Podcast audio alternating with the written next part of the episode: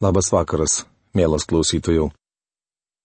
Šiandien toliau keliausime Biblijos puslapiais Senuoju testamentu pranašo Ezechielio knyga. Šiandien su jumis apžvelgsime 28 šios knygos skyrių. Po maldos žvelgsime į temos dalį Bausmė tyro kunigaikščiui. Dangiškasis tėve, mes dėkojame tau už tavo žodį, kurį tu mums palikai ir išsaugojai, ir kurį apreiški savo dvasios galybę. Dėkojame, kad kiekvienas, kuris esame tavo vaikas, nešiojame šiuose moliniuose induose amžinybės anspaudą tavo dvasę, kurie galime keliauti šventojo rašto puslapiais, klausytis tavęs kalbančio į mūsų širdis, suprasti, priimti ir palaikyti tuos brangius pamokymus, kuriuos gauname iš tavęs. Dėkojame tau už šį vakarą, kad jis nėra išimtis ir mes turime nuostabią galimybę dėl to, ką padarė vietoj mūsų Kristus Jėzus, ateiti pas tave ir išgirsti tave prabylanti į kiekvieno iš mūsų širdis. Prašau už tuos žmonės, kurie dar nesuprato to, kas yra svarbiausia šventajame rašte. Kad jie išgirstų ir nesipriešintų tavo dvasios balsui. Ir tiems, kurie prieėmėme Kristų kaip savo asmeninį gelbėtoją, galėtume tavo žodžio dvasios būti pamokyti, kad būtų taip pat įrodyta mūsų kaltė, būtume pataisyti ir ugdomi. Pameldžiame mūsų viešpatės ir gelbėtojo Jėzaus Kristaus vardu. Amen. Šiame skyriuje Ezekielis skelbia bausmę Tyro ir Sidono kunigaikščiui bei karaliui. Pranašystėje kalbama ne tik apie tos vietos valdytoją, bet ir apie pasaulio kunigaikštyščių valdovą Šėtoną. Mane pasiekė viešpaties žodis. Žmogau, sakyk tyro valdovui, taip kalba viešpats Dievas. Kadangi tavo širdis išpuiko tu tarėjai, aš Dievas, sėdžiu dievų sostę toli jūro širdyje. Nors esi tik žmogus, o ne Dievas, tu darai savo širdį lygę Dievo širdžiai.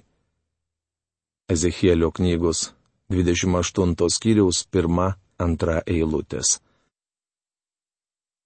Profesorius Algirdo Jurieno Biblijos vertime antra eilutė prasideda taip.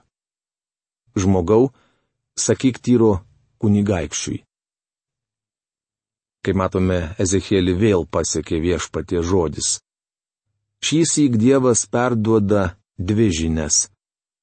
Vieną tyro kunigaikščiui, kitą tyro karaliui garsiosios karalystės, didžiojo komercijos ir politikos centro, galingosios tyro tvirtovės šešėlyje mes išvysime tą, kuris valdo visas šio pasaulio karalystės. Turiuomenyje šitoną. Evangelijos pagal Luką ketvirtos skyriaus penktoje septintoje eilutėse skaitome, kad gundydamas viešpati Jėzų dykumoje, Velnes siūlė jam pasaulio karalystės. Tada velnes, pavėdėjęs jį aukščiau, vieną akimirką parodė jam visas pasaulio karalystės ir tari. Duosiu tau visą jų valdžią ir didybę. Jos man atiduotos ir kam noriu, tam jas dovanoju. Taigi jei parpuolęs ant žemės pagarbinsi mane, visa bus tavo. Viešpats atmetė šitono pasiūlymą, bet ne todėl, kad būtų nepripažinęs jo nuosavybės teisių. Kristus žinojo, kad pasaulio karalystės iš tiesų priklauso šitonui. Galiausiai jas valdys Kristus, bet tik ne kaip šitono vietininkas. Tačiau šiandien velnės vis dar tebėra kunigaikštis, viešpataujantis ore. Jis yra visų pasaulio kunigaikštyščių galva. Nesvarbu patinka mums tai ar ne. Manau, šioje Ezekėlio knygos dalyje matome antikristo provaizdį. Iš tikrųjų, vienas žmogus negali išpildyti visko, kas šventajame rašte sakoma apie antikristą. Tai gali padaryti tik du asmenys. Beje, Jonas rašo, kad antikristų yra daug. Vienas antikristas išsigins Kristaus, tai yra bus jo priešas kitas į mėgdžius. Vienas antikristas bus religinis, kitas politinis vadovas. Manau, šis derinys atsispindi Ezechielio pranašystėje. Tyro kunigaikštis buvo šietono vietininkas. Kadangi tavo širdis išpuiko, tu tarėjai, aš Dievas. Reikia pasakyti, kad šitaip kalbės antikristas. Antro laiško tesalonikiečiams antros skyriaus ketvirtoje eilutėje apaštalas Paulius apie jį rašė. Prieštarautojas, kuris iškelia save virš kiekvieno vadinamojo Dievo ar ir šventenybės ir pats sėdasi Dievo šventykloje, dėdamasis Dievu. Tyro kunigaikštis sakė, sėdžiu dievų sostę, toli jūros širdyje. Tačiau Dievas byloja. Nors esi tik žmogus, o ne Dievas, tu darai savo širdį lygę Dievo širdžiai. Žiūrėk, iš ties esi išmintingesnis už Danielių. Joks dalykas tau nepaslaptis. Ezekėlio knygos 28 skyriaus 3 eilutė. Čia dar sėki paminimas Danieliaus vardas. Kaip prisimenate, Danielius buvo Ezechielio amžininkas. Ezekielis labai gerbė Danielių, kuris buvo viešpaties tarnas ir Babilono ministras pirmininkas. Mano nuomonė, Ezechieliui teko sunkiausia užduotis. Jis gyveno su tremtiniais ir skelbė jiems žinia iš Dievo. Aš mieliau sutikčiau vieną dieną praleisti liūtų duobėje, kas atsitiko su Danieliumi, kad visą likusį laiką gyvenčiau karaliaus dvare, negu dirbti su tremtiniais. Tačiau Ezekėlis negalėjo rinktis. Ezekėlis mini Danieliaus išmintį. Pranašas teigia, kad Tyro karalius buvo galvotas vyras. Jei manote, kad tokių anomis dienomis nebuvo, klystate. Mano įsitikinimu šiandieniniai Harvardo universiteto intelektualai prieš anų laikų išminčius būtų kaip vaikų darželio auklėtiniai. Garsieji Ezechielio amžininkai iš tiesų buvo išmintingi. Manau, kad Tyro kunigaikštis simbolizuoja religingai antikristą, kuris kils iš Izraelio. Matote, antikristas, kurio rankose bus politinė valdžia, išnirs iš pasaulio tautų jūros. Manau, jis bus pagonis. Tuo tarpu jo patarėjas, religinis vadovas, atslinks nuo sausumos. Jis bus tarsi politinio vadovo ministras, pirmininkas, kaip Danielius Babilone, Juozapas Egipte ar Dizraelis Anglijoje. Galbūt tai netinkamas palyginimas, tačiau mano manimu jis gerai atspindi dvi pozicijas. Bausmė karaliui.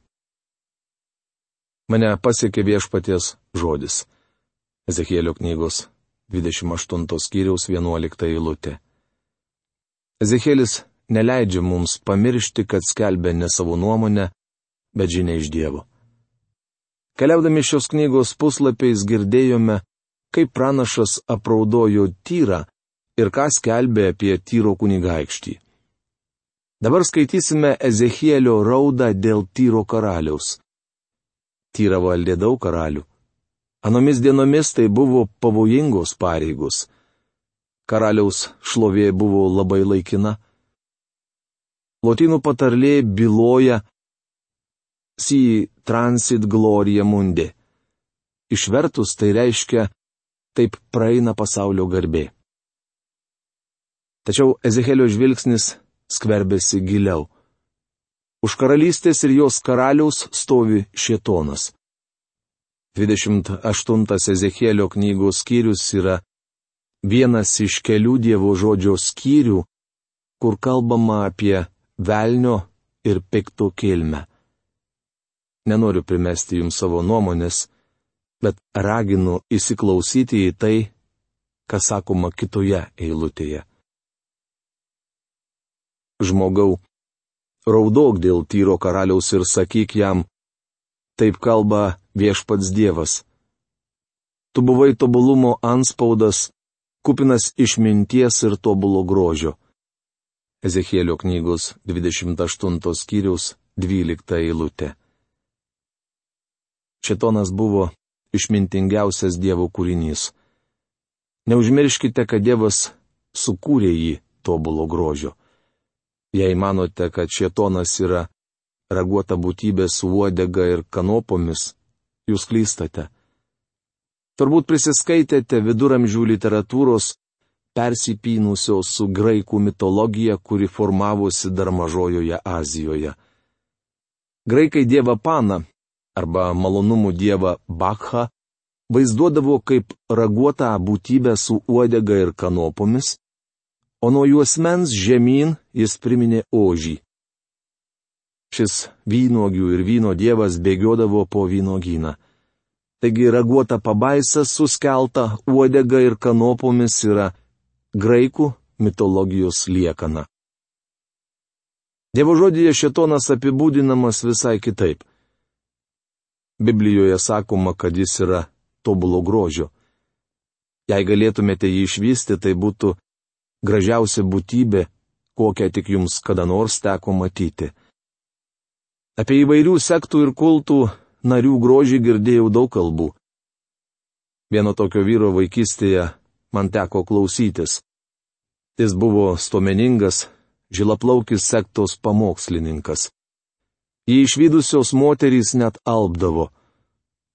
Tas vyras buvo beužimas Dievo vietą ir žmonės jį dievino. Žinote, kas jis buvo? Nepabijosiu tokio apibūdinimo šitono tarnas.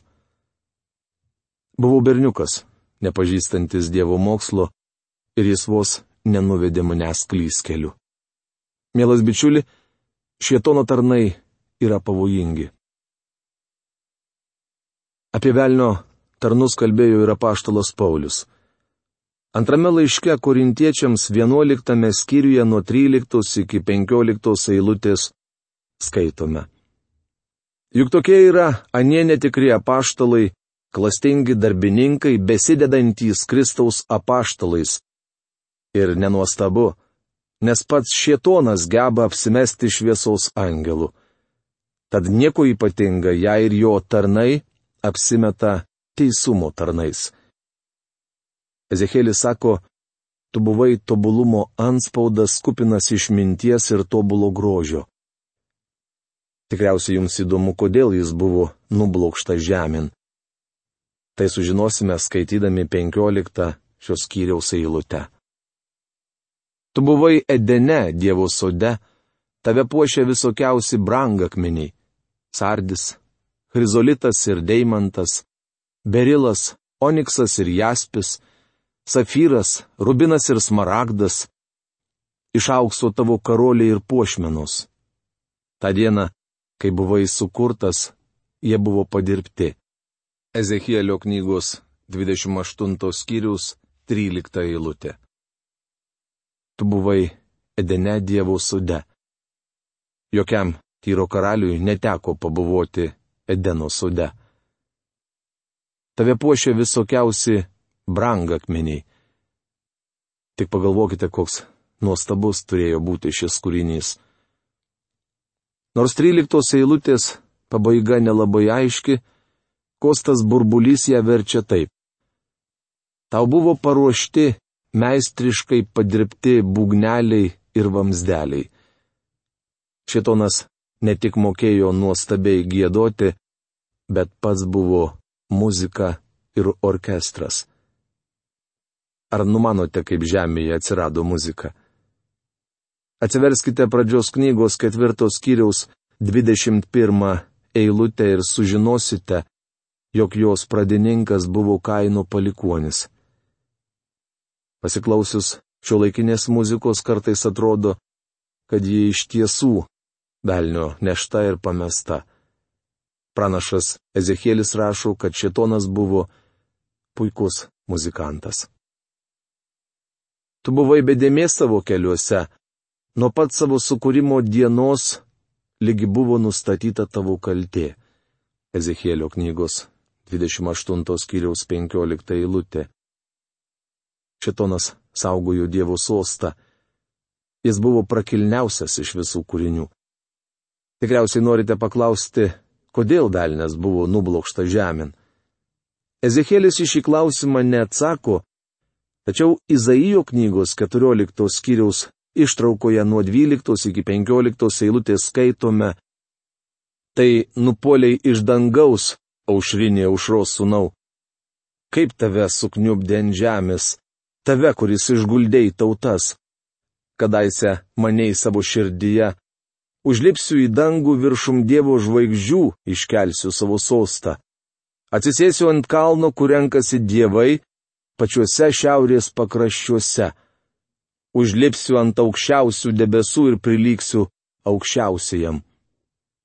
Bet buvai nugramzdintas žemyn į Šeolą, į pačias kapo gelmes. Šetono nuopolio priežastis buvo didybė. Jis norėjo iškelti savo sostą, atsiskirti nuo Dievo ir pats tapti Dievu. Kitaip tariant, velnės sukilo prieš visą gali Dievą. Noriu Jums kai ką pasakyti. Jei Jūs esate vienas iš tų tariamų tobulų šventųjų, kurie mano, jog viską, ką galėjo, jau pasiekė, ir laikote save tam tikrų etalonų, atminkite, jog šietonas buvo šviesos angelas. Tai reiškia, kad jis buvo tobulas, bet nupuolė. Mielas bičiuli, jei jis nupuolė, ar taip negali atsitikti ir jums, arba man? Mes tik silpni žmonės. Kaip jau minėjau, Dievas negali toleruoti maišto. Skaitydami toliau pamatysime, kaip jis pasielgė su maištavusiu angelu. Per savo plačiąją priekybą tu prisipildėjai smurto ir nusidėjai, todėl varau tave toli nuo Dievo kalno. Ir kerubas išskėstais ir serginčiais sparnais nuvarė tave nuo ugningųjų akmenų. Ezekėlio knygos 28 skyriaus 16 eilutė. Šetonas buvo nubaustas už savo nuodėmę. Nežinau kaip jūs, bet mane tai godžia. Aš tikrai nepajėgčiau jo nugalėti, mat nesu lygiai vertis varžovas velniui. Todėl esu dėkingas, kad Dievas su juo susidoros. Nuo tavo grožio išpuiko tavo širdis, dėl savo spindesio piktnaudžiavai savo išmintimi. Nubloškiau tave žemyn. Padariau iš tavęs reginį, kad karaliai įsidėmėtų. Ezekėlio knygos 28 skyriaus 17 eilutė. Frazė Nuo tavo grožio išpuiko tavo širdis reiškia, kad šitonas ėmė didžiuotis. Dėl savo spindesio piktnaudžiavai savo išmintimi. Matote, kvailystės darė net išmintingiausias karalius Saliamonas. Čia tas pats sakoma ir apie prakilniausią ir tobulą Dievo kūrinį, kuriam buvo įdėkta visa, ko galima išmokti. Bičiuli, Dievo vaikai taip pat gali iškrėsti daug kvailyščių. Nubloškiau tave žemyn, padariau iš tavęs reginį, kad karaliai įsidėmėtų. Vieną dieną Dievas padarys iš šėtono reginį. Visi, kas tik pažino tave tautose, yra apstulbę. Tu tapai pasibaisėjimu ir tavęs niekada nebebus. Ezekėlio knygos 28 skyriaus 19 eilutė. Kažkada ateityje Dievas atsikratys šetono. Mes melžiamės, kad ta diena ateitų greičiau. Šios kiriaus atkarpoje nuo 20 iki 24 eilutės skelbiama bausmė Sidonui, tačiau nekalbama apie visišką miesto sunaikinimą. Pranašas sako, kad gatvėse liesis kraujas. Istorija liudyja, kad taip ir įvyko. Įdomu pastebėti, kad didingoji finikiečių sostinė Tyras buvo nušluota nuo žemės paviršiaus ir niekada neatstatyta. Tuo tarpu Sidonas, stovėjęs maždaug 25 km nuo Tyro, buvo baudžiamas, bet nesunaikintas. Sidono miestas tebestovi ir šiandien. Į jį iš artimųjų rytų tiekiama nafta. Atitekėjusi vamzdynais, Sidone įkraunama į laivus ir plukdoma į kitus miestus. Sidonas yra klestintis uostamestis, tuo tarpu kiek tolėliau viduržėmio jūros pakrantėje stūkso tyro grįvėsiai. Toje vietoje įsikūręs mažytis žviejų kaimelis. Dievas sakė, kad tyras niekada nebus atstatytas. Reikia pripažinti, kad jis žinojo, ką sako. Šiame skyriuje užrašytų pranašyščių žinia labai aiški. Čia sakoma, kad tyras bus sunaikintas ir niekada nebus atstatytas, o Sidonas patirs Dievo bausmę, bet sunaikintas nebus.